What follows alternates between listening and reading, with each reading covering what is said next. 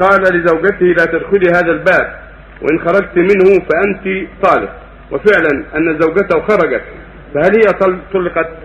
هذا سمعتم الكلام فيه انه إذا قال إن خرجت فأنت طالق أو كلمت فلان إذا كان قصد منعها ما قصد فراقها عليك كفاره يمين كما سمعتم إذا كان طالع عليك إن كلمت فلان أو خرجت إلى بيت فلان أو إلى أهلك بغير إذني فأنت طالق قصد منعها ما قصد فراقها.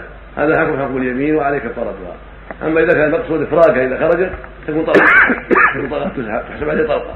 فإن فإن كان قبلها طلقتان تمت تمت الطلقات. وانتهت كل شيء وحرمت عليها حتى تنكح زوج غيره. أما إذا كان ما قبلها إلا طلقة واحدة أو ما قبلها شيء يكون يراجع هذا